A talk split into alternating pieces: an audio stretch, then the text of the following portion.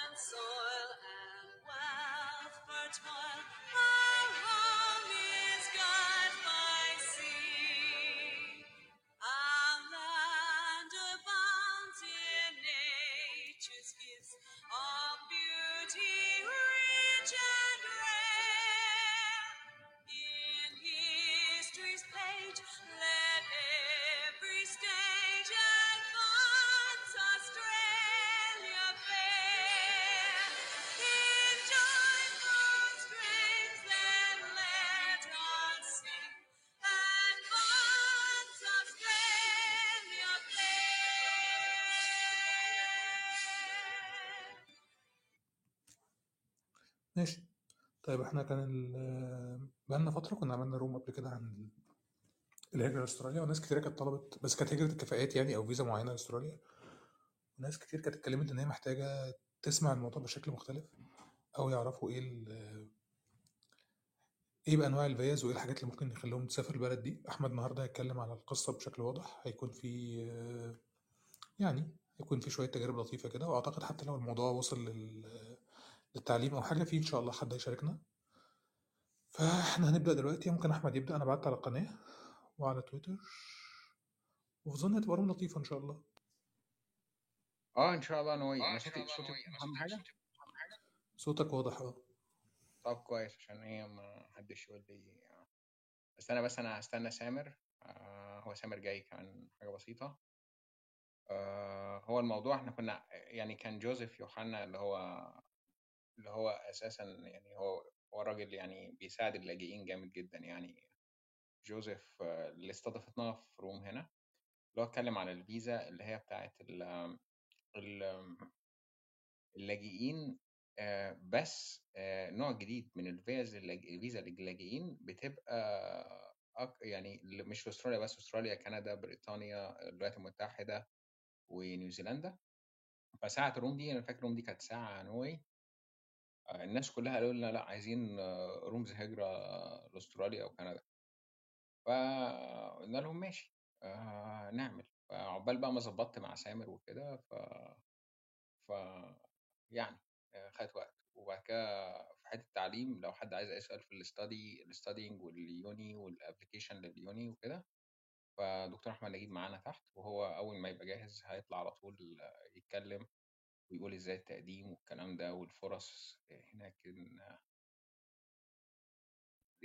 أو أو بي اتش دي أو غيرها يعني. لأن هو ليه تجربة طبعا كبيرة قوي في الولايات المتحدة وأستراليا. و... وأعتقد الدكتور أحمد نجيب في ال... في النادي بتاعه اللي هو تجارب دراسة وسفر وشغل ناقش طبعا موضوع إن أنت إزاي تحصل على منحة حتى في كل حتة في العالم يعني أستراليا نيوزيلندا. كل Europe. فرنسا آه، كان فين حتى وصل هونج كونج وماليزيا و... وكندا وأمريكا طبعا وكل وكل الدول الأوروبية يعني. فهو عنده roo... وعنده غير الرومات اللي هي بتاعت ال papers والكلام ده. فهو الناس يعني عاملين شغل كويس قوي هناك. ف ثانية ولا أقول لك هبتدي على طول يعني عشان قبل ما سامر يجي نبتدي؟ آه اتفضل. ابتدي على طول. الصوت كده واضح عندنا كمان؟ آه الصوت واضح. بس أنا بيقول اديني طيب. خمس دقايق بالظبط؟ هو بس ماشي. اتفضل. لا لا بص هو بشكل واضح بس خلينا نقول ال... هو الغرض الأساسي من الروم دي مفيش حد بيتكلم على عشان بس يكون ده مقدمة لما بعده. أي حد هيتكلم هنا إحنا أغلبنا لا عنده شركة هجرة ولا حد فينا بيخلي الناس ولا حد فينا بيساعد الناس إن هم يسافروا ولا بيجيب لهم عقود عمل. خالص. أغلب الناس اللي هي بتتكلم هي بتتكلم على التجارب الشخصية. بشكل عمومي الأفضل في الحاجات اللي من النوع ده إنك تقدم بنفسك. ما تعتمدش على إن في شركة هتقدم لك ولا تروح تدي فلوسك لحد. لأن ده كلام فاضي ومش مش مظبوط مش مضمون يعني. ولو إن في ناس عندها تجارب ألطف أنا بتكلم على التجربة العمومية. آه، أغلبنا هنا بيتكلم عن تجاربه الشخصية بنحكي حاجات بنقول أشياء بنحاول ندي الناس السكك. مفيش حاجة اسمها إنك تخلي حد يملى لك ال application وإنك تروح وإنت مش عارف ال application كتب فيه إيه. أغلب الحاجات اللي متقالة هنا مش على يعني على مسؤوليتنا على مسؤولية أصحابها لكن مش نصيحة. تاني حاجة هو الفيلم الناس اللي كانت عايزة تهاجر عشان خاطر الفيلم بتاع النمر الأسود النمر الأسود كان في ألمانيا ما كانش في أستراليا. أدي واحدة. تاني حاجة الفيلم ده مش حقيقي. أدي تاني واحدة. تالت واحدة تالت حاجة ما حدش مستنيك هناك خالص. أنت زيك زي أغلب الناس. يعني آه الناس هناك أنت بالنسبة لهم أسد لكن الجزء في جزء كده بنحاول الناس تساعدك فيه أو إحنا بنحاول نتكلم عليه إن إحنا إنك تسافر وتروح هناك. لكن once إنك أنت دخلت هناك البلد أنت بقيت زيك زي أي مواطن أو زيك زي أي حد لحد ما تاخد إن شاء الله الباسبور وترجع مصر. تقول عندنا هناك في استراليا؟ لحد ما تعمل ده. لحد ما تعمل الجزئية دي. فأنت هتندمج مع المجتمع هتدور على شغل هتدور على حاجات في حاجات كتيرة جدا. آخر حاجة بقى واللي أنا اتأكدت منها شخصيا أنا كنت فاكر إنك لما تاخد الجنسية بيدوك كانجرو. ده مش حقيقي يا جماعة. حد ما حدش بيديك أي حاجة هناك خالص. اتفضل يا زهر دكتور أحمد أنا آسف. حلوة دي. الجنسيه كانجرو. طيب هو بس بس disclaimer في الأول. آه المعلومات اللي أنا جايبها آه دي من من وزارة الهجرة اللي هو ال Department of Home Affairs يعني. ده أول حاجة. ده ده ال website اللي برجع له. دي رقم واحد. آه رقم اتنين آه طبعا إحنا ما بناخدش فلوس من حد وإحنا بنعمل ال room دي بناء على طلب ناس كتير بصراحة. بعتت لنا في ال back channel ساعة ساعة ال room اللي هي عملناها بتاعت اللجوء ال visit اللجوء الجديدة. آه آه المعلومات دي أنت لازم يعني أنت لازم تعمل الواجب بتاعك. لأن مثلا أنا ممكن أقول لك سعر فيزا دلوقتي أنا هتكلم على ثلاث فيز بالتحديد النهارده. ممكن دكتور أحمد نجيب هيتكلم على فيز ال study فيز اللي هي الدراسة أو يعني أو الدراسة عامه يعني generally في أستراليا. هو لسه ما شاء الله يعني لسه واخد ال PhD لسه واخد دكتوراه نبارك له يعني. بقى ل 40 يوم والدكتورة إيمان فكرتنا النهارده ال 40 كل سنه طيب يا أحمد وإن شاء الله نبل الافشار يعني تمام هو النهارده ال 40 حسب الكلام. مش مش بقى له هو بقى له 40 يوم بالظبط حسب ما الدكتوره إيمان بتاعتنا اتفضل. الحاجة يعني فأنت ممكن أقول لك على نوع فيزا النهارده تلاقي نفسك أنت مثلا في الليستة آه say أنا هعتبرها عن نفسي أنا صيدلي. say النهارده يوم 24 12 قبل الكريسماس مثلا بيوم إن إن إن, إن صيدلي في الليستة. ممكن بعدها بكام يوم ممكن يوم واحد واحد, واحد السنة الجاية اللي هو يعني بعد أسبوع نلاقي إن الصيدلي بره الليستة.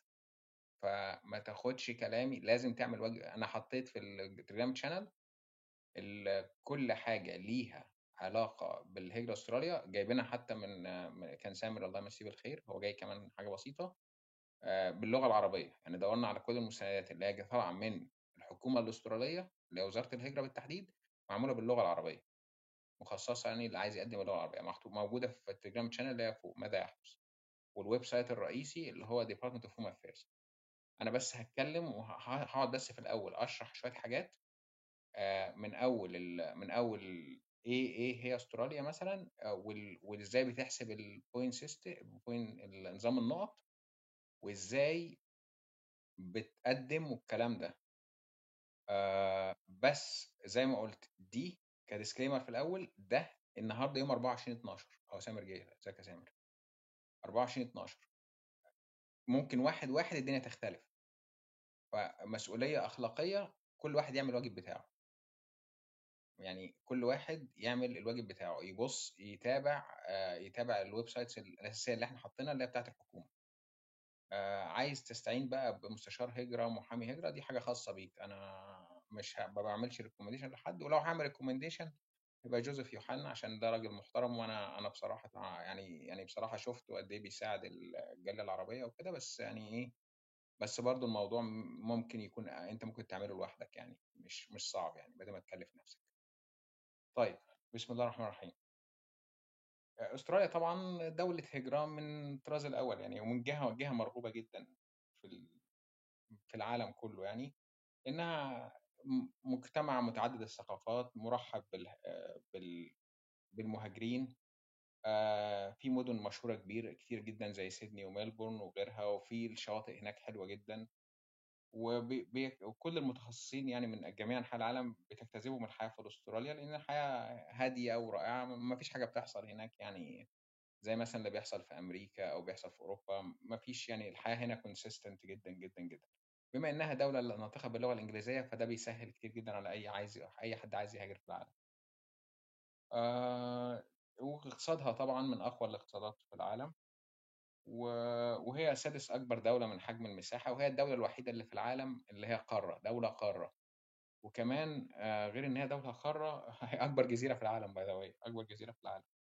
عدد سكانها قريب من 26 مليون يعني حسب آخر إحصاء. قريب من 26 مليون آه وحجم حجمها قد مصر سبع مرات. فهي يعني نقدر نقول severely underpopulated أو يعني يعني محتاجة محتاجة ناس كتير جدا يعني.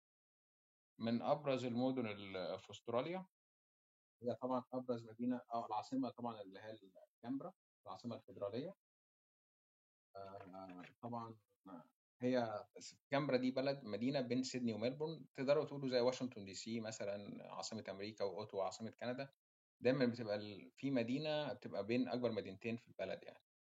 فكانبرا دي بيبقى فيها السفارات وكل البعثات القنصلية والدبلوماسية في العالم يعني. آه، تاني أكبر أو أكبر مدينة بقى وأشهر مدينة هي سيدني. آه، سيدني مشهورة طبعا بال Opera House وكده وهي أكبر ولاية اللي هي نيو ساوث ويلز.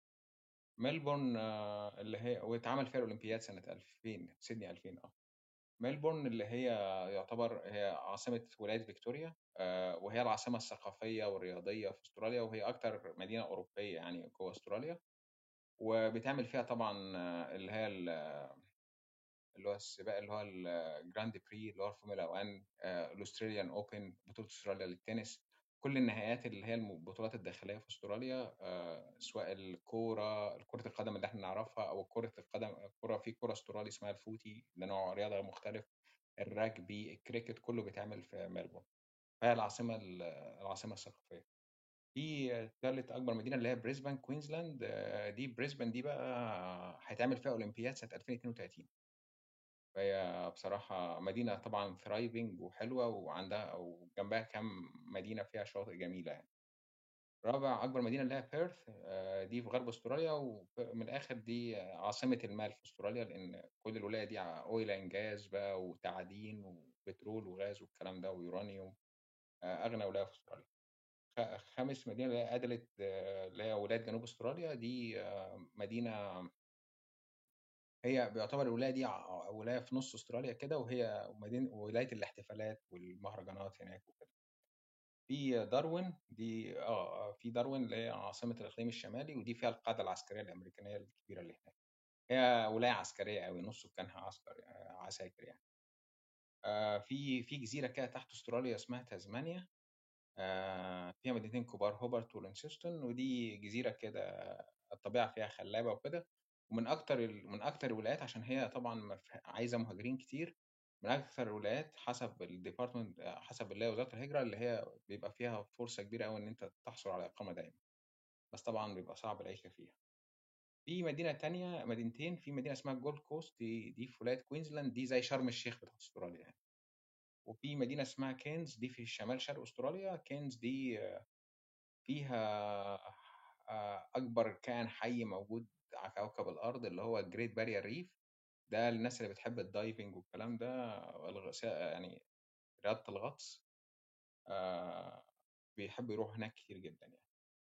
إيه الميزة في أستراليا؟ إن هي مكان كويس للعائلة اقتصاد مستقر في وظائف كتير قوي في الهندسة وتكنولوجيا المعلومات والتعليم والرعاية الصحية آه في التعليم مجاني للأطفال طبعا في مدارس خاصة بس لو عايز تعلم أولادك التعليم مجاني موجود الرعاية الصحية مجانية آه، المناخ بتاعها ملائم جدا بالذات لينا كشرق أوسطيين أغلبية المدن في أستراليا مناخها زي اسكندرية لحد كبير مناخ بحر متوسط ودي اللي بيدي أستراليا الأدفانتج على دولة حلوة برضو اللي هي زي كندا كندا برضو دولة كويسة وإن شاء الله قريب هعمل روم يعني مع ناس أصدقائنا في كندا آه، نعمل روم للهجرة لكندا لو الموضوع ده مشي يعني.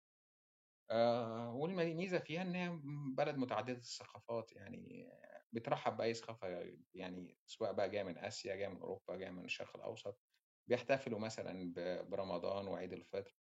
يعني من أشهر الحاجات مثلا في رمضان مثلا الشارع الرئيسي في الشارع الرئيسي كده في غرب سيدني اللي هو في حي اسمه لاكيمبا زاروا مليون ونص السنة اللي فاتوا اللي هم اللي هو بيسموها رمضان Nights والكلام ده. آه، بيحتفلوا مثلا بالسنة الصينية الجديدة يحتفلوا بعيد الديوالي عيد الألوان يحتفلوا بالنيروز أو السنة اللي هو بتاع الجماعة الإيرانيين والأفراد والكلام ده. بيحتفلوا بكل ال- الثقافات الأخرى يعني. آه، وكمان اللي هو أكتوبر فيست بتاع الألمان.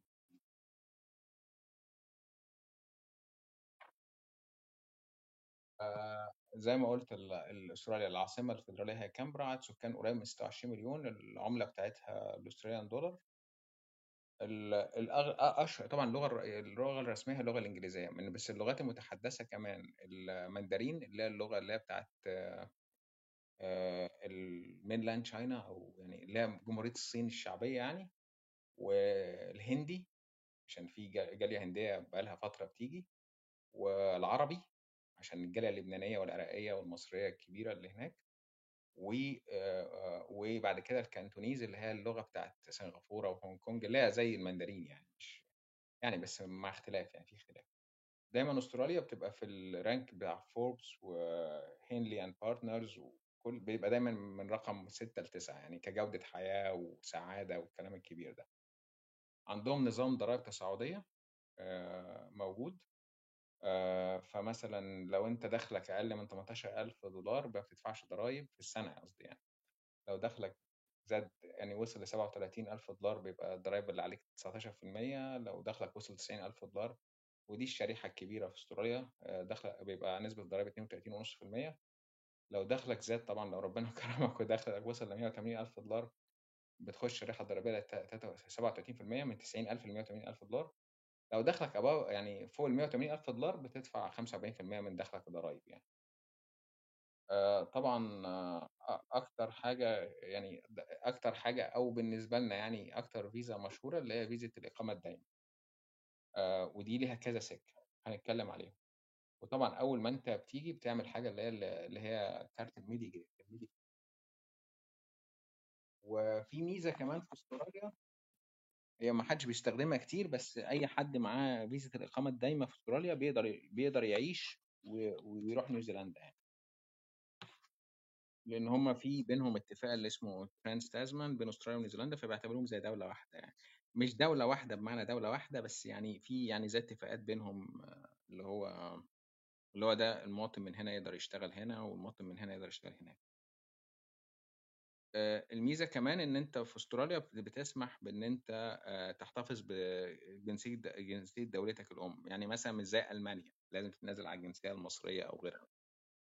آه ولو أنت معاك الإقامة الدايمة بتجددها على طول. ممكن تجدد اللي هي بيجددها كل خمس سنين. يعني في cases كده في دول زي ماليزيا ألمانيا ما بتسمحش بتعدد إن أنت معاك باسبور تاني غير بلد ماليزيا أو ألمانيا. فدايما الناس الماليزيين والالمان بيجددوا الإقامة الدايمه كل خمس سنين. طبعا إزاي بتتم عملية الهجرة لأستراليا؟ ببساطة شديدة بتعتمد على كم العمر التعليم خبرة العمل والمهارة في اللغة الإنجليزية.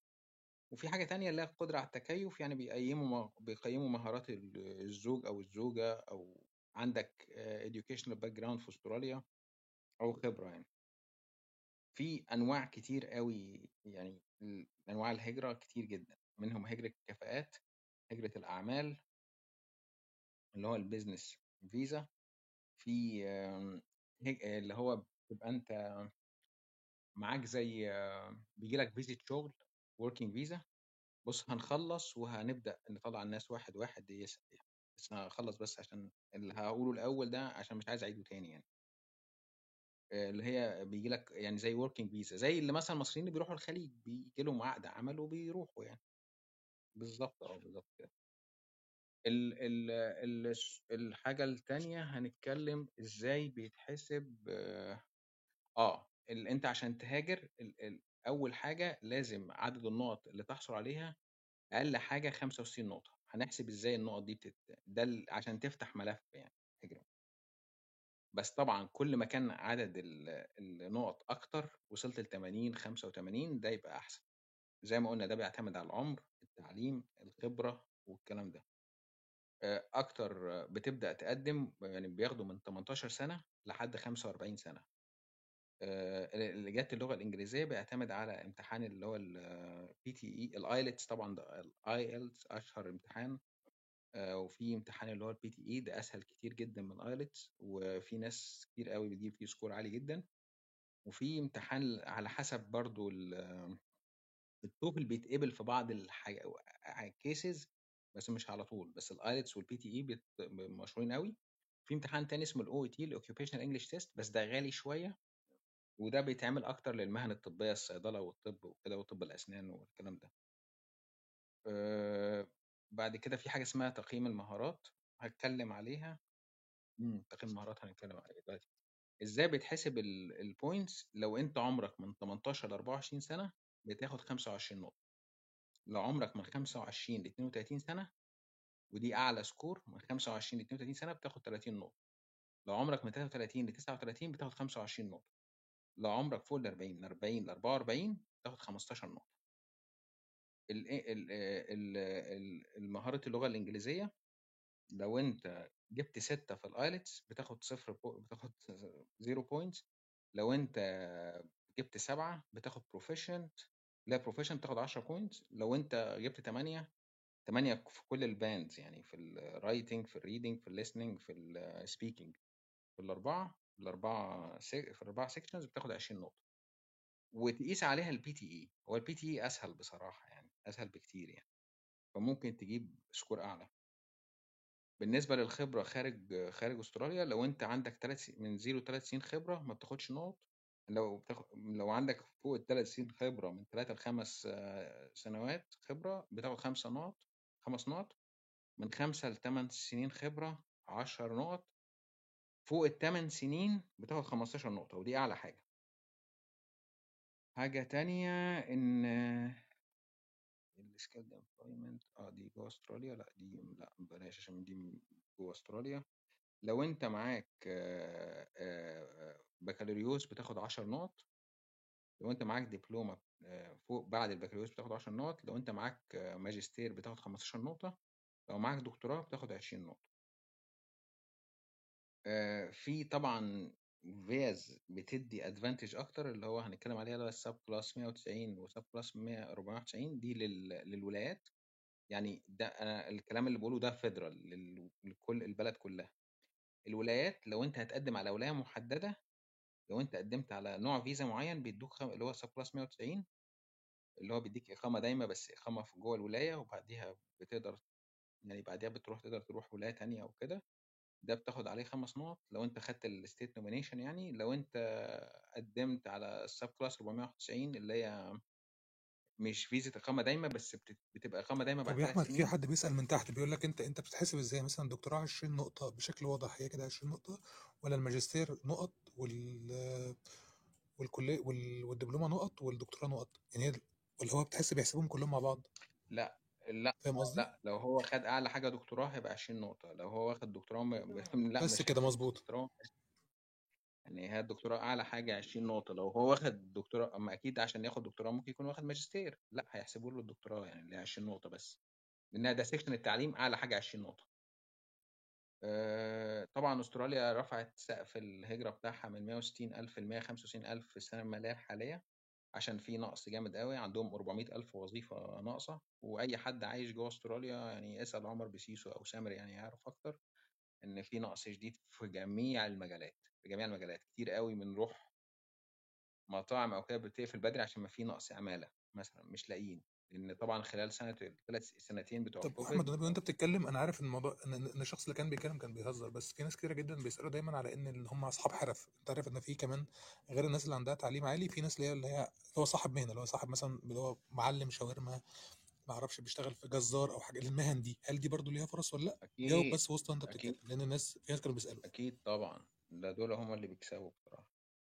أنا يعني أنا لو حد سباك أو كهربائي وبيعرف يتكلم إنجليزي بصراحة هيعمل هنا دهب يعني مثلًا، كُلّه، كُلّه ليه فرص، بس يعني آآ هنقول إزاي يعني، بس أنا بادّي طبعًا زي ما قُلت أستراليا بتواجه تحدي نقص عمالة كبير جدًا يعني. آآ إيه تاني؟ إحنا عايزين بس نتكلم على برنامج هجرة الكفاءات. طب بس قبل ما نتكلم على البرنامج طبعًا سيبك من موضوع ال المتوسط السالاريز هي زي ما قُلت الموضوع كُلّه عُمر إجادة لغة إنجليزية، الخبرة خارج أستراليا، اللي هي كل ما كانت سنين الخبرة بتاعتك أعلى، كل ما كان عُمرك لو عُمرك في الفئة من 25 ل32 سنة ده أعلى أعلى درجة. آآ بس مش معنى إن أنت مثلًا عندك خبرة أقل أو سِنّك أكبر أو أصغر إن ما لكش فرصة، لأ ليك فرصة برضه، بس بتبقى يعني إيه، ليها سِكّة تانية يعني. إزاي بتقدّم؟ أول حاجة أنت بتشوف الليستة ليستة ال الليست حاطينها فوق حاططها فوق في of home affairs موجودة في التليجرام channel اللي فوق. ال بتشوف المهنة بتاعتك مطلوبة والّا لأ، دي أول حاجة. تاني حاجة ودي أهم حاجة بقى، اللي هي إيه، بتعمل حاجة اسمها skill assessment. اللي هو أنت بتروح للجهة الممثلة للشغلانة دي جوّه أستراليا. بمعنى، يعني أنا مثلًا صيدلي، باروح للaustralian pharmacy council أو اللي هو آه australian pharmacy council باقول له والله أنا صيدلي خريج مصر، خريج الأردن، خريج المغرب، خريج whatever بقى البلد أو خريج السعودية whatever. آآ و وأقول له أنا خريج البلد دي، فأنا عايز عايز أعمل آآ يعني زي م أعادل شهادتي باللي موجودة آآ باللي موجودة في أستراليا. طبعًا في في المهن الطبية أو الرعاية الصحية عامةً بيطلبوا امتحانات، لازم يعمل لك امتحان وامتحان إنج وإنجليزي. في الهندسة غالبًا مثلًا آآ engineers أستراليا مثلًا الجهة ال اللي بتعمل لهم assessment بتطلب شهادات وبتطلب منهم إنجليزي. تطلب شهادات وتطلب منهم إنجليزي. آآ حسب بقى الجهة، الجهة دي بقى بتعرفها منين؟ من حاجة اسمها الANZESCO code اللي هي New Zealand standard standard إيه يا سامر؟ آآ نسيت classification آه بالضبط standard classification of occupation دي أستراليا ونيوزيلندا عاملين كده الجهة دي أنت بتعرف الجهة اللي هي بتعمل لك assessment. الجهة اللي بتعمل لك assessment دي يعني أنت مثلًا لو أنت مثلًا say دكتور هيبقى برضه آآ اللي هي زي نقابة الأطباء، نقابة يعني زيّها يعني. آآ مهندس تبقى engineer أستراليا، IT في كذا حاجة. لو أنت بقى مهنتك ما ل ما لهاش نقابة، هتلاقي إيه، يقول لك إيه، أنت هتعمل في حاجة اسمها beta assess. Beta assess دي جهة بتعمل لو أنت م الجهة دي ما فيش جهة محددة بتعمل لل للمهارات بتاعتك، فبتروح لbeta assess. وبقى الprocessing بتاع الموضوع ده كان زمان بياخد وقت طويل أوي فوق ال8 أسابيع، مع بقى الموضوع الأونلاين وكده بياخد وقت أقل. بس طبعًا بيختلف من شخص لشخص على حسب ورقك جاهز أكتر أو كده، في ورق مش واضح فبيرجعوك وكده. آآ ده الskill assessment. بعد كده بتعمل اختبار الإنجليزي، وزي ما قُلنا آآ في الاختبار الإنج كل ما كان الscore بتاعك أعلى، فرصتك في الهجرة أعلى. يعني زي ما قُلنا لو جِبت 6 ممكن تفتح ملف، بس مش هيدّوك points 6 في الIELTS أو ما ما يعادلها في الPTE. لو جِبت 7 هيدّوك 10 نُقط. أو ما يعادلها في الPTE أو ال أو أو الOET أو whatever يعني. لو جِبت 8 بتبقى فرصتك بتاخد 20 نقطة وبتبقى فرصتك عالية جدًا، جدًا إن أنت تيجي يعني. بعد ما كده بتعمل حاجة، بعد ما بتبقى شغلانتك مطلوبة وعملت الskill assessment وعملت الإنجليزي، بتعمل اللي هو إيه، بتقدّم. بتعمل حاجة اسمها expression of interest الAOI. وبعدين بييجي لك إن لمّا يلاقوا يعني مثلًا تيجي مثلًا يقولوا إحنا عايزين مثلًا 200 دكتور سنان. يشوفوا أعلى 200 واحد مقدّمين. إحنا قُلنا اللي بيقدّم اللي معاه 65 نقطة، minimum معاه 65 نقطة، بس هم بيشوفوا أعلى 200 واحد مقدّمين ويبعتوا لهم ما يسمى بالinvitation الدعوة يعني، الدعوة إن هم يقدّموا. تقدّم ورقك آآ وتخلّص ورقك ويع يعمل هو بقى check عليك، وبع ويعمل بعد ما يخلّص الclearance ده، وبعد كده تروح عامل الكشف الطبي وكده، يبعت لك الفيزا بعدها. فهي دي الخطوات. أول خطوة إن أنت بتشوف أولًا ال ال ال ال ال إن أنت مهنتك مطلوبة والّا لأ. تاني حاجة آآ ممكن تبقى مطلوبة federal في الليستة الكبيرة بتاعة الدولة كلّها، وممكن تبقى مطلوبة في ولاية معيّنة. فأنت بتشوف إن ساعات ال الليستة الكبيرة ما بيبقاش فيها وظايف معيّنة، كل ولاية مثلًا محتاجة وظايف أكتر من ولاية تانية. يعني مثلًا ممكن في ولاية غرب أستراليا يبقى محتاجين مثلًا أكتر المهندسين. ولاية زي مثلًا فيكتوريا ال اللي هي فيها ميلبورن يبقى محتاجين مثلًا IT أكتر، ممكن. بعد كده بتعمل skill assessment اللي هو بتشوف الجهة اللي بتعادل شهادتك وتقدّم عليها، بعد كده بتعمل اختبار الإنجليزي. بعد كده بتبدأ بقى تقدم بعد ما تخلص الثلاثه دول بتبدأ تقدم اللي ما يسمى ب expression of interest بتبدأ ده تقدم اونلاين وبعد كده يبعتوا لك ال invitation وبعد كده بتقدم ال... تروح مقدم ال application ودافع الفلوس والكلام ده.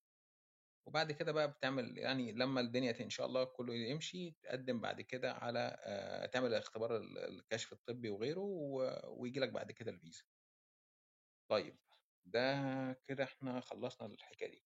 إحنا هنتكلم بقى على الثلاث فيز ال- الفيز الرئيسية يعني. الفيزا الأولانية اللي هي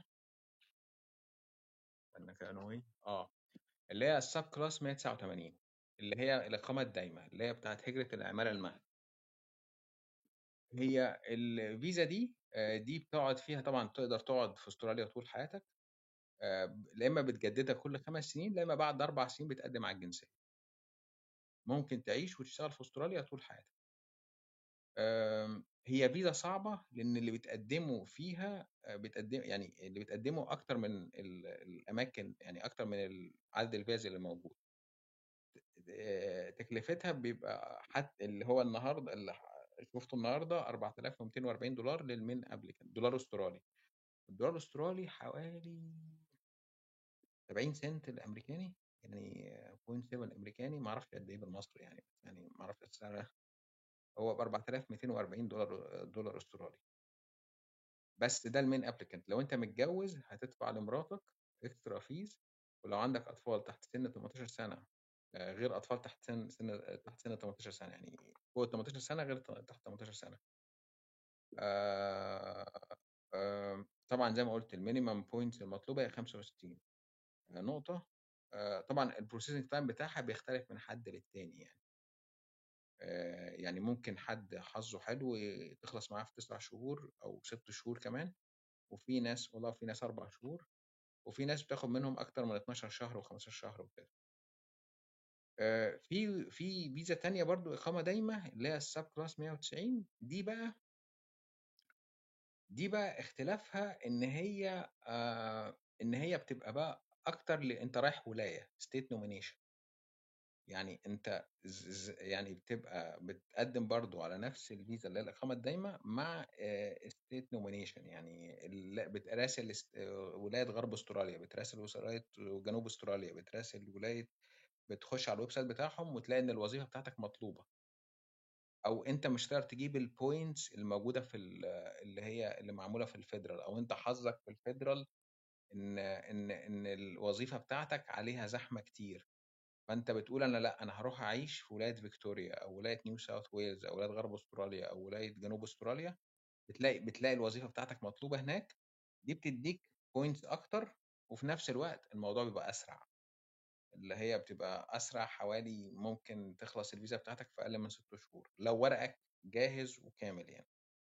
هي مع- معروفة إن هي أسرع من ال من ال اللي هي الفيزا اللي هي subclass 189 في النوع فيزا الثالث اللي هو ال subclass اللي هو 491 ده اللي هي بيسموها skilled skilled work regional visa دي فيزا بتعيش فيها في منطقة regional أو منطقة اللي هي هي أصل بصراحة مش regional قوي لأن هي بره سيدني وميلبورن وبريسبن أكبر ثلاث مدن يعني هي يعني مدينة كبيرة زي اديليد أو بيرث ممكن يعتبروا regional يعني.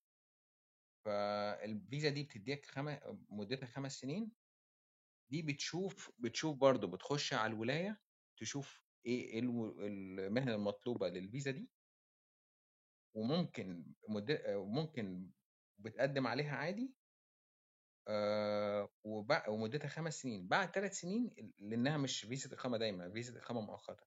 بعد ثلاث سنين بتقدر تقدم على الإقامة الدائمه بعد ما تثبت إن أنت إن أنت اشتغلت ثلاث سنين في الحتة دي. آه، ومع برضو مع الفيزا دي بتاخد ميديكير وبتاخد بتاخد رعاية صحية وبتاخد تعليم ومفيش مشكلة. يعني اولادك أو عايزين يتعلموا عادي مجانا في مدارس الحكومة. وبتاخد رعاية صحية عادية زي أي حد. وتكلفتها النهارده ال main app أو اللي هو بيقدم ال main applicant 4240 دولار. في في أنواع فيز تانية بقى بت- بتجيب إقامة دايمه ز- في اللي هي class 132 دي business talent بس دي قصة تانية خالص. في class 186 لو أنت حد يقدر يجيب لك عقد. اللي هي employer nomination scheme يعني. في 186 188 اللي هي business innovation investment اللي هي فيزة الاستثمار.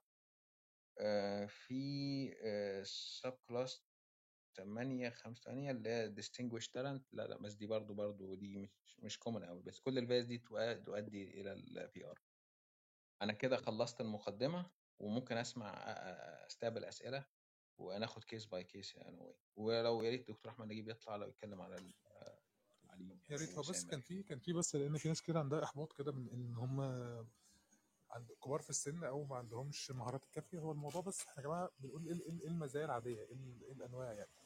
بس في حاجات كتير أنت ممكن تاخدها يعني شوية بس وشوية. في حاجات كتير في حاجات للحرفيين المهره في حاجات للناس اللي عندهم دراسة في حاجات كتيرة يعني. الموضوع مش مش اسهل مش أصعب حاجة في الدنيا ولا أسهل حاجة في الدنيا يعني. بس نسمع مع بعض شوية ربنا يسهل. اتفضل يا. طيب أنا أنا بص أنا شفت كام سؤال في الشات أول سؤال آه، الممرضين. آه، بص آه، من عمر عمر. بص يا عمر ال- اللي هي midwife و nurse لأن أنا السنة اللي فاتت لما كنت بقى نفتح رومات الهجرة كنت بيجي لنا أسئلة عن ال nursing يعني. لو أنت في مصر للأسف الشديد ال- الشهادة بتاعتك مش مقبولة. يعني أستراليا بتقبل ممرضين من دول آه، الممرضات أكتر حاجة مطلوبة في التاريخ. يعني عايزين ناس كتير فللأسف الشهادة بتاعت مصر آه، هتضطر هي تعمل أو هو يعمل آه، لازم يدرس تمريض من أول وجديد. دي أول حاجة. السؤال تاني العنصرية هي المشكلة ممكن اوصل عليه ماشي. آه، الصيدلي محتاج معادلة؟ كل المهن الطبية صيدلي طب صيدلي طبيب أسنان طبيب بشري آه، علاج علاج طبيعي مش متأكد بس هتأكد لكم في الموضوع ده.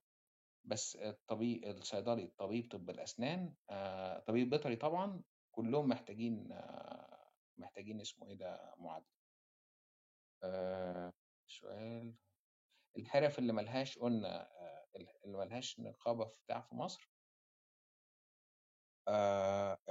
لما بتعمل skill assessment في أستراليا ال- ال- مفيش نقابة للحرفة دي في حاجة اسمها جهة اسمها VETASSESS بتعمل انت بتخش زي ما زي ما قلت لكم يا جماعة في website اسمه ANZSCO code ده ال ANZSCO ده بتشوف الجهة اللي بتعمل لك بتعمل ال... لل... للمهنة بتاعتك دي الجهة اللي بتعمل المهنة بتاعتك دي آه، معادلة أو assessment لها معادلة يا جماعة ما أعرفش تعرفها بالعربي إيه بس دايما معادلة يعني بتعمل assessment يا آه،؟ تقييم تقييم تقييم. تقييم تقييم sorry تقييم اللي بتعمل تقييم أنا آسف. آه، امتحان الناتي آه، امتحان الناتي بيدي خمس درجات آه، ده امتحان عربي بيبقى سهل بصراحة يعني. امتحان سهل إن أنت تقول إن أنت يعني ده لغة تانية. بيفرق ساعات والله بيفرق. امتحان ناتي لأن يعتبر أستراليا يعني زي ما قلنا اللغة العربية يعتبر من ثالث أو رابع أكبر لغة هنا سامر في البلد. ثالث ولا رابع؟ آه آه هي هي هي تا- آه، أكبر لغة تحدثا داخل المنازل يعني غير اللغة الإنجليزية بتيجي آه، آه، بتيجي الصينية تا- آه، بعد كده اللغة العربية على طول. آه، 300 و- فوق 300 367 ألف واحد بيتكلموا عربي في البيوت غير غير الانجليزي طبعا. شكرا. طيب آه ممكن دكتور أحمد نجيب آه يتكلم على ال- ال- الدراسة؟ معلش دكتور أحمد آه تعبينك معانا. اتفضل يا جميل. لا خالص. ازيك يا دكتور بيدي معلش أنا صوتي هيبقى هادي شوية. ازيك يا نوي ازيك يا دكتور سامي اخباركم إيه يا رب تكونوا بخير. هو طبعا زي ما أنتوا زي ما يمكن الدكتور البيدي وضح ال- ال- الدراسة هي أحد المسارات ال- المعروفة للهجرة يعني أو المسارات اللي يمكن من أشهر المسارات في أستراليا للهجرة يعني. آه، خلينا نتكلم عن الدراسة. الدراسة طبعا بتنقسم لحاجتين. حاجة بيسموها undergraduate اللي هو المرحلة اللي هي مرحلة ال bachelor أو مرحلة البكالوريوس. وبعدين بعد كده بتي- بتيجي الدراسة اللي هي بيسموها ال postgraduate ال postgraduate اللي هي بتنقسم ل master و PhD خلينا النهارده مش هنتكلم عن ال undergraduate لأن يمكن الناس اللي بتكون دايما بت target الهجرة في الغالب بتكون اتخرجت وبتكون بتحاول تدور على المسار بتاع الهجرة من خلال الدراسات اللي هي ال postgraduate ال postgraduate زي ما قلنا إن هي بتنقسم لاثنين ال master وال PhD يمكن ال- النقطة الأولى اللي أنا عايز أتكلم عليها آه، إن. إن الدراسة هنا مختلفة شوية عن أمريكا وعن آه، عن كندا بمعنى إن الدراسة في أستراليا الماستر هنا في الغالب بيكون master by courses يعني بتعدي من خلاله مجموعة من المواد وبتمنح درجة الماجستير بدون أي نقطة بحثية خالص يعني بدون ما تقدم أي research هو مجرد تقدم نقطة بحثية صغيرة جدا لكن ما بتاخدش ما بتاخدش الدرجة مش زي بلادنا شوية اللي هو الماستر بيكون by research لكن هنا الغالب في الغالب مش بقول كل البرامج يعني في الغالب بتكون ال master by courses وبعدين الحاجة التانية آه، المنح اللي بتكون في الماستر بتكون أقل شوية لأن دايما أي جامعة بتبقى عايزة تدور على آه، طالب تديله منحة في الغالب بتبقى بت target ال research بحيث إنه يطلع بمجموعة من الأوراق البحثية أو حاجة زي كده. فبالتالي فرصة إنك تحصل على ماستر آه، على حساب الدولة أو على حساب أستراليا أو من خلال منحة دي فرصة قليلة جدا. النقطة التانية بالنسبة للماستر قبل ما أروح لمرحلة ال PhD النقطة التانية بالنسبة للماستر إن الماستر ما بيزودش نقط. يعني الماستر زيه زي ال bachelor يعني انت لو واخد bachelor أو واخد ماستر الاثنين في مرحلة الهجرة في الآخر بيزود آه، بيدي لك بيدي لك نفس عدد النقط اللي هو أعتقد 10 إذا كنت غير متأكد يعني. آم، الحاجة الثانية أو المعلومة الثانية إن الماستر هنا الميزة الوحيدة اللي يمكن بت بت بتفيدك إذا أخدت ماستر من أستراليا إن هو بيدي لك بعد ما بتنهي دراستك بيدي لك فيزا بيسموها ال post study work visa اللي هي subclass 485 ال- الفيزا ديت في الماستر بتكون سنتين. يعني انت بعد ما بتخلص ماستر في أستراليا بت بتاخد سنتين من حقك انك تشتغل وتعيش في أستراليا بشكل كامل. وبعدين بعد كده بتقدم بقى على مسارات تانية للهجرة. فيمكن هي دي الميزة الوحيدة للماستر. طب الناس اللي بتكون بت target ال master في الغالب بتكون جاية إزاي؟ بتكون في الغالب جاية على حسابها لأنه قليل جدا إنك انت تقدر تحصل على منحة للماجستير. طب تكلفة الماستر هنا بكام؟ تكلفة الماستر هنا في أستراليا بتتراوح في السنة ما بين 27000 دولار ل 35000 دولار حسب الجامعة بالإضافة لمصاريفك الشخصية اللي هي بتكون برضو رقم آه تقريبا زي ده. يعني إذا كنت ناوي إنك أنت تيجي تيجي ماستر على حسابك حابب تستثمر في إنك أنت تحصل على فيزا سنتين في أستراليا وحابب إنك أنت تصرف ده على حسابك في الغالب بتتكلف حوالي من 70 ل 75 ألف دولار. ده يمكن الحاجة الأولى بالنسبة لل- للماستر. طب الميزة الوحيدة اللي بتعود عليا منه إيه؟ إنك أنت بتاخد سنتين بعد الحصول على الدرجة بإنك أنت من حقك إنك تقعد وتشتغل في أستراليا حتى لو لم تتحصل على عقد عمل. يبقى بالتالي هي دي الميزة الوحيدة للماستر. المسار الثاني اللي هو ال- الأهم بالنسبة لي هو مسار ال PhD. في ناس كتير بيبقى عندها تخوف شوية طب هل أنا عندي قدرة إن أنا أحصل على PhD من أستراليا؟ طب هل شرط من الشروط إن أنا أكون حاصل على ماستر عشان أقدم على ال PhD في أستراليا ولا لأ؟ في بعض الأسئلة كده بتبقى بتبقى بتبقى مثار تساؤل عند ناس كتير. الحاجة الأولى اللي أنا حابب أقولها إن رقم واحد ال PhD في أستراليا أنت مش شرط إنك تكون حاصل على ماستر. يعني هي مش من شروطها مش من شروطها في أغلبية البرامج إنك أنت تكون حاصل بعض البرامج بتتطلب ده وبتشترط إنك تكون حاصل على ماجستير من بلدك أو تكون حاصل على ماجستير من أي بلد تاني يعني. لكن في بعض البرامج يقول لك أنا مش عايز مش عايز إنك يكون معاك ماجستير أصلا. أنت ممكن تقدم على درجة الدكتوراه على طول بعد التخرج إذا كان ليك خبرة بحثية ولو كانت طفيفة يعني في أحد المجالات. طيب دي الميزة الأولى في ال في ال في ال PhD ده غير أوروبا طبعا. أوروبا يمكن أنت أوروبا مثلا دولة زي ألمانيا من لازم تاخد ال- الماجستير الأول بعدين بعد كده تاخد درجة دكتوراه. لكن أستراليا لا ممكن تنتقل من مرحلة البكالوريوس لمرحلة الدكتوراه مباشرة. طيب ال- الميزة الثانية في ال PhD ال PhD هنا في أستراليا كلها by research ودي يمكن مختلفة عن أمريكا شوية. أمريكا آه، بتبقى إلى حد بتاخد مجموعة من الكورسز بتاخد 48 ساعة كورسز وبعدين بعد كده بتاخد research هنا في أستراليا أنت from day 1 بتشتغل by research بس. وبالتالي ده بيدي لك فرصة إن يكون عندك قدرة على إنك تنشر أبحاث أكتر شوية لأنك أنت بتكون مركز على ال research أكتر فبالتالي دايما الحصيلة البحثية بتاع بتاعك في المتوسط يعني اللي بيكون ناشر اللي بيبقى مثلا في المتوسط من خمس لست أبحاث في أستراليا في حين إن أمريكا ممكن ما تعديش بحث أو بحثين. فهي دي الفكرة يمكن الميزة في أستراليا غير إنك أنت بتتخلص من عناء إنك أنت آه، بتدرس مواد وبتذاكر تاني وحاجات زي كده يعني. طيب ال PhD هنا آه، إيه المميزات اللي أنا بتحصل عليها في مسار الهجرة لو أنا خدت PhD من أستراليا؟ آه، هو التالي رقم واحد إنك أنت ال PhD هي مسار للحصول على نفس الفيزا اللي كنت بتكلم عليها في الماستر اللي أنا بسميها ال post work visa بسميها ال work post study visa آسف اللي هي subclass 485 الفيزا ديت بتدي لك زي ما قلت في الماجستير بتدي لك سنتين في الدكتوراه بتدي لك من أربع لست سنين حسب التخصص وبالتالي دي ميزة كبيرة إنك أنت بتحصل على فيزا من حقك إنك تقعد في أستراليا تعمل وتشتغل وتعيش في أستراليا حتى لو لم تتحصل على عقد عمل من أربع لست سنين. وبالتالي ده بيزود فرصك في الحصول على ال- الإقامة الدايمة بعد كده. رقم اثنين الحصول على الدكتوراه هنا بيفرق بقى عن الماجستير لأن الماجستير زي ما قلت لك هو ما بيضيفش درجات على البكالوريوس لكن الدكتوراه بتضيف لك إذا كنت دارس في في أحد الجامعات الأسترالية بتضيف لك 10 درجات لأنك أنت بتاخد 20 درجة بدل 10 درجات لو كنت واخد بكالوريوس. بالاضافه إنك أنت إذا كنت دارس في أحد الجامعات اللي إحنا بنسميها الجامعات ال regional ال regional أو المج... ال- ال- ال- الجامعات اللي في الأماكن النائية وهي مش نائية ولا حاجة يعني مدينة زي بيرث مدينة زي أديليد مدينة زي سانشاين كوست اللي أنا عايش فيها مثلا ديت بيسموها regional بتاخد خمس درجات إضافية. آه، في بعض المسارات التانية للحاصلين على الدكتوراه هنا ممكن تاخد الإقامة الدائمة بشكل مباشر على طول إذا كان ليك outstanding publication أو كان ليك outstanding achievements في في في الدكتوراه. من حقك إنك تقدم على فيزا بيسموها ال global talent visa ال global talent visa اللي هي أستراليا بت target الناس اللي عندها قدرات يعني قدرات فائقة شوية أو قدرات مميزة شوية.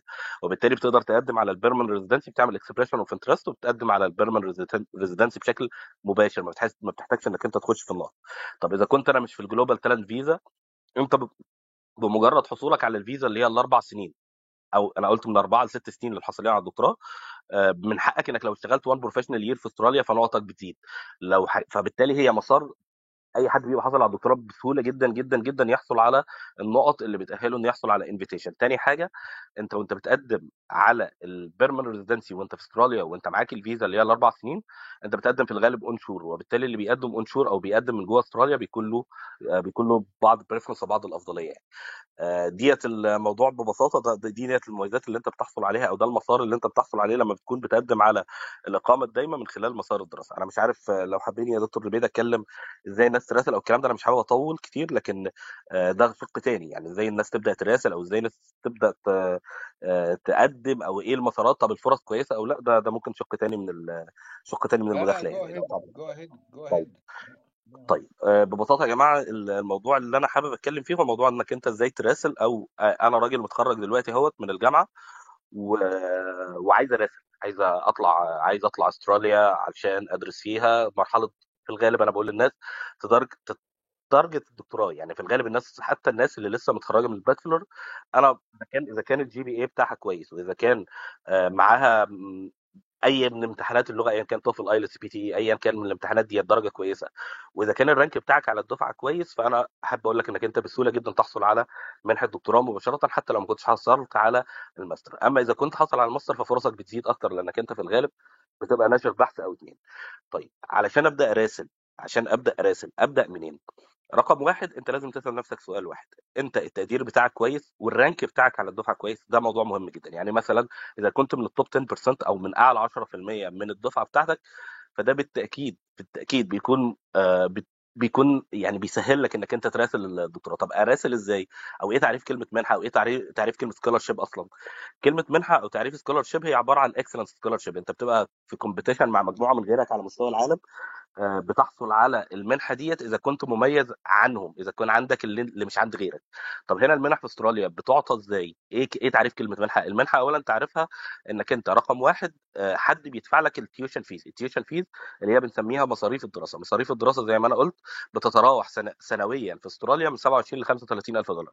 وبالتالي هو load عالي جدا إنك أنت تقدر تدفع المبلغ ده خصوصا في مرحلة الدكتوراه اللي هي ممكن توصل لأربع سنين. من ثلاث لأربع سنين إذا كنت full time student يعني. طيب آه، يبقى رقم واحد أنت لازم تبقى عارف إنك أنت هتدفع ما يقارب ال 100000 دولار as tuition fees طيب إذا كان إذا كنت حاصل على منحة في حد بيتحمل عنك ال tuition fees دي. الحاجة الثانية إذا كنت حاصل على منحة في حد بيتحمل عنك حاجة اسمها ال living stipend ال living stipend إن هو بيدي لك مرتب آه، شهري. مش هقول إن هو مرتب كبير ولكن مرتب tax free يعني ما بتدفعش عليه ضرائب ولكن مرتب بيعيشك آه، بشكل معقول يعني وبيكون لك حق العمل برضو آه، إذا كنت في أستراليا آه، إذا كنت طالب دكتوراه من حقك إنك تشتغل full time إذا كنت على دكتوراه. فبيدي لك حاجة اسمها living stipend الحاجة الثالثه اللي بتتحملها عنك المنحة إن هي بتشيل من عليك حاجة اسمها التأمين الصحي. والتأمين الصحي هنا في استراليا طبعا حاجة مكلفة جدا لازم الناس تبقى عارفة ده.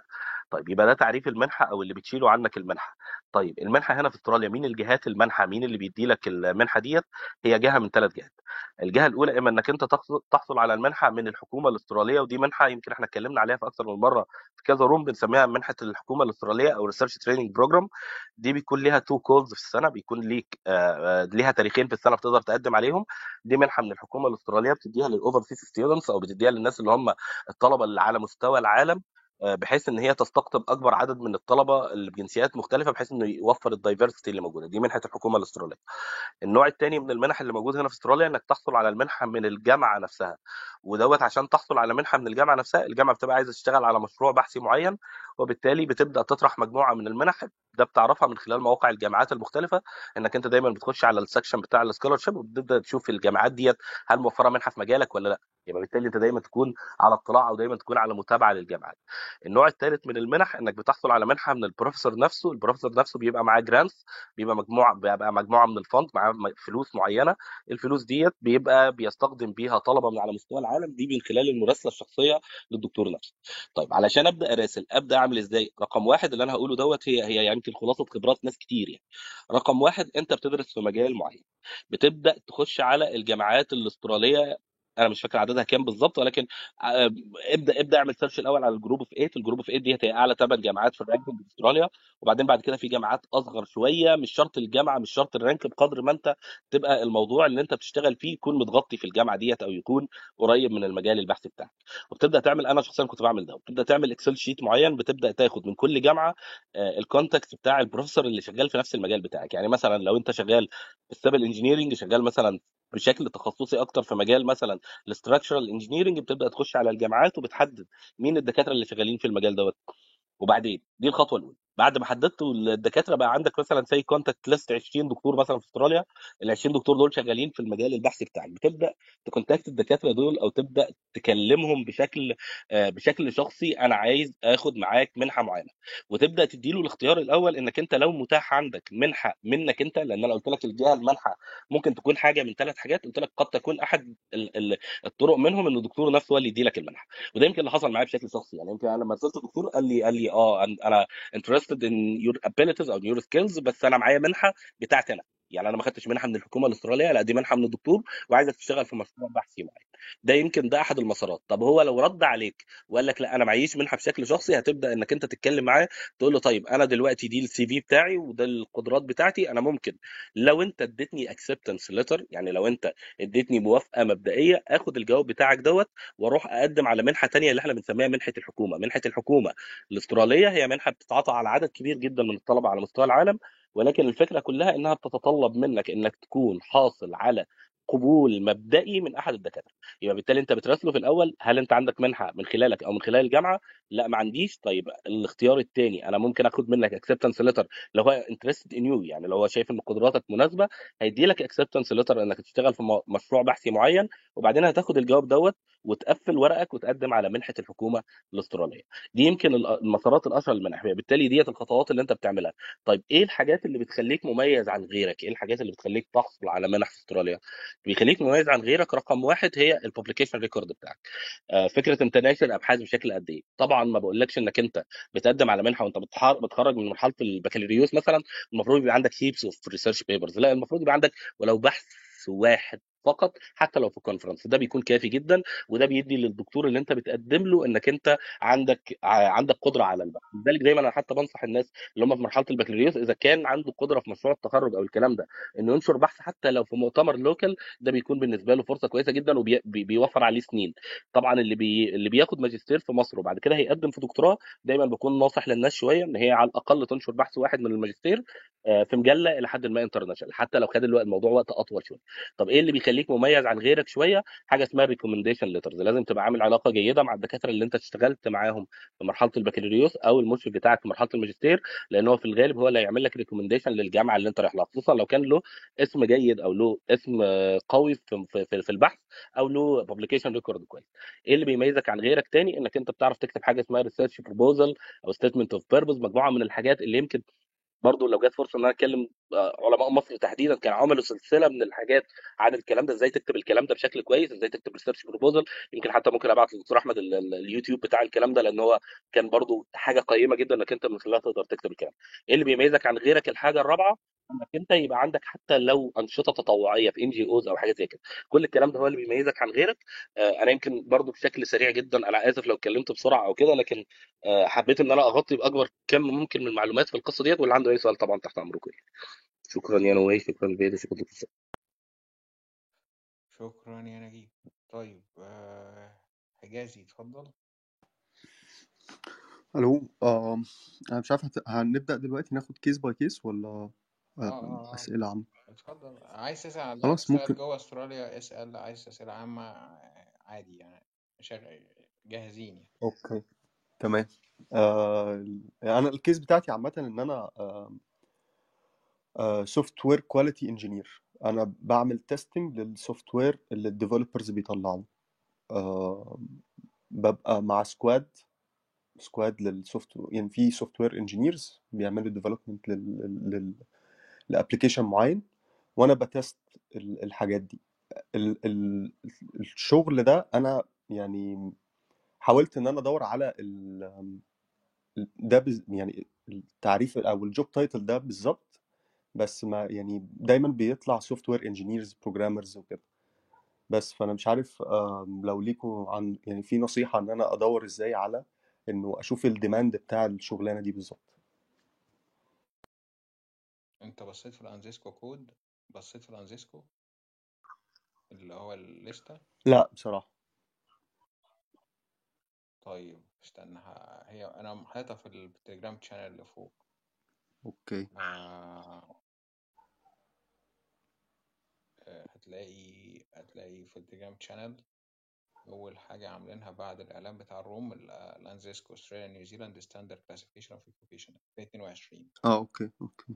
فأنت تبص المهنة بتاعتك آه مين اللي بيعمل لها أس... مين بيعمل لها assessment هتلاقي تفصيل أصل ال IT أنتوا عندكم حاجات كتير جدا يعني أنواع كتير.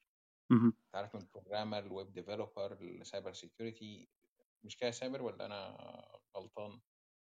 آه. آه آه آه، بالظبط آه هو آه يعني دي دي أول خطوة إن هو يبص في ال ANZSCO آه الخطوة الثانية ممكن برضو تبص على حاجة اسمها ال ACS اللي هو ال Australian Computer Society دي برضو الهيئة اللي فيها كل الكمبيوتر وال IT professionals في في أستراليا. آه تحت بقى مسمياتهم المختلفة زي ما أحمد قال. ال ACS دي يعني هي هي فايدتها إن إن بيبقى نازل معاها غير كمان ال- ال- اسم ال- اسم ال job يعني ك software engineer أو مثلا database administrator أو كده بيبقى نازل معاها ال job description أو إيه المتوقع إن الشخص ده يعمله. أهم خم- أهم خمس أو ست task ات الشخص ده بيعملهم. فبالتالي most likely في, في كثير من الأحيان هتلاقي إن إن إن مش مش هتلاقي typical match to match يعني مش هتلاقي typical match لنفس الاسم بالظبط اللي هو software quality engineer أو software security engineer لا ممكن تلاقي تداخل في ال task ات. أنت عارف أنت في في ال task ات اللي أنت بتعملها مثلا في ال job الحالية بتاعتك إيه وبتقرأ برضو ال task ات اللي موجودة وممكن آه، بتلاقيها موجودة تحت آه، مسمى مختلف شوية. okay تمام. كويس شكرا جدا. عندك أي سؤال تاني؟ لا شكرا جدا. طيب شكرا جدا. آه طب من فضلك نازل نفسك ولو عندك أي أسئلة تانية اطلع تاني عادي مش مشكلة. اتفضل يا بابا ازيكم يا شباب؟ صوتي واضح؟ جدا. كويسين. بكرة أنت متصور مع تمام. الكانجرو صح؟ آه. هو ده بيدوم على في... الجنسية صح؟ مظبوط؟ لا لا ده قبل كده. لسه لا. أوكي. أنا عايز أضيف معلومة. آه، دكتور أحمد نجيب وضح الموضوع كله. أنا عايز أضيف فيزا ممكن الناس ما تبقاش واخدة بالها منها. تحت فيزا 1 190 بتاعت ال skilled nominated visa في graduate stream يعني هو بيتعامل معاك في 190 دلوقتي الجديد إن هم بقى عندك two streams يعني هم بيعملوا nomination لنوعين من البشر. الجنرال الناس اللي هي العادية والناس ال graduate اللي متخرجة من جوه الولاية. آه، الناس المتخرجة من جوه الولاية حرفيا ما بيبقاش مطلوب منهم أي حاجة أي حاجة. يعني هو مش عايز منك English روح هات ست IELTS مش عايز منك عقد عمل مش عايز منك إثبات بنكي. هات بس شهادة من الجامعة وتفضل يا باشا ال PR أنا بجيبها لكم من الآخر. لأن أنا بشوف دايما المعضلة في استراليا إن أنت محتاج تجيب نقط كتير. أه هو 65 ده ال minimum. بس أنت مش هتاخد آه، بسهولة دعوة ب 65 نقطة. أنت لازم تبقى كاسر ال 80 عشان نبقى صراحة مع بعض. يعني الرقم ده مش خزعبلي. أنا في ال process دلوقتي تبقى معدي ال 80 عشان تبقى at least ضامن إنك يجيلك حاجة. 80 دي مش هتوصل لها بال English بس. لازم هتوصل لها بخبرة. تمام. طب لو أنت ما عندكش خبرة كبيرة في المجال ومعاك فلوس حابب تدرس أو أنت مثلا معاك research كويس وحابب تكمل دراسة بره ف once أنت دخلت البلد كاستراليا أو حتى ككندا أو نيوزيلاند أي بلد من الثلاثه أنت ليك stream لوحدك ما بتتنافسش مع أي حد تاني معاه خبرة. فالناس اللي بتخش في نظام الهجرة يا إما معاهم خبرة يا إما معاهم دراسة. فدراسة جوه البلد ليك stream لوحدك خبرة بره البلد أو جوه البلد ليك stream تاني لوحدك خالص ومفيش competition ما بينك وما بينهم.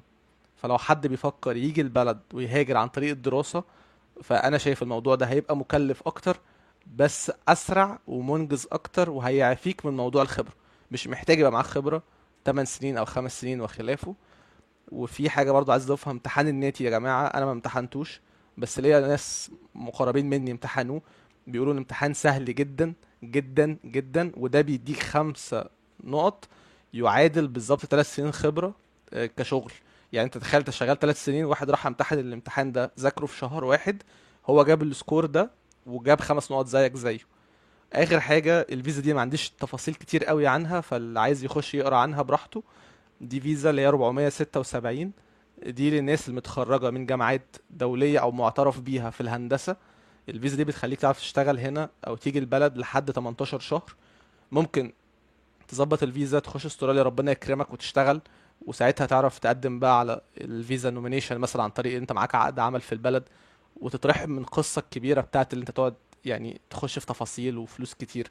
دي هتبقى فيزا سهلة وتكلفتها 425 دولار قدامي. أرخص بكتير. بس أنت كده كده هتضطر تخش في ال PR بس دي طريقة سهلة.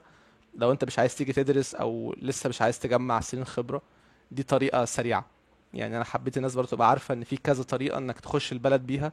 مش شرط إنك تخش مهاجر على طول. ممكن تخش طالب ممكن تخش واحد بتبحث عن عمل. وآخر حاجة هقولها في الدراسة الناس بتبقى فاكرة إنك لازم تيجي تدرس ماجستير أو تدرس دكتوراه.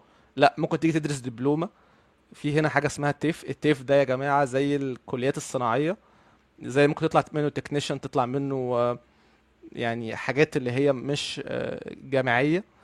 الحاجات دي ميزتها الكبيرة وأنا في ال field وعارف إنك تشتغل ك technician أسهل 100 مرة من إنك تشتغل كحد professional دكتور أو آه، مهندس أو خلافه. لأن هم في الشركة أو في المكان هم عايزين 100 واحد technician وواحد بس engineer أو دكتور أو وات والحاجات دي دراستها يعني دكتور أحمد اتكلم عن التكلفة بتاعة الدراسة. أنا عايز أكد لكم إن ال TAFE أرخصه يعني أسعاره أرخص بكتير من الدراسات الجامعية والقبول فيه سهل. وأنت ممكن وأنت بتدرس تشتغل جنب الدراسة تعمل مثلا توصيل طلبات أو حاجة وتساعد نفسك. وأول لما تخلص شغل هتشتغل أول لما تخلص الدراسة قصدي هتشتغل على طول. هتلاقي شغل في تاني يوم.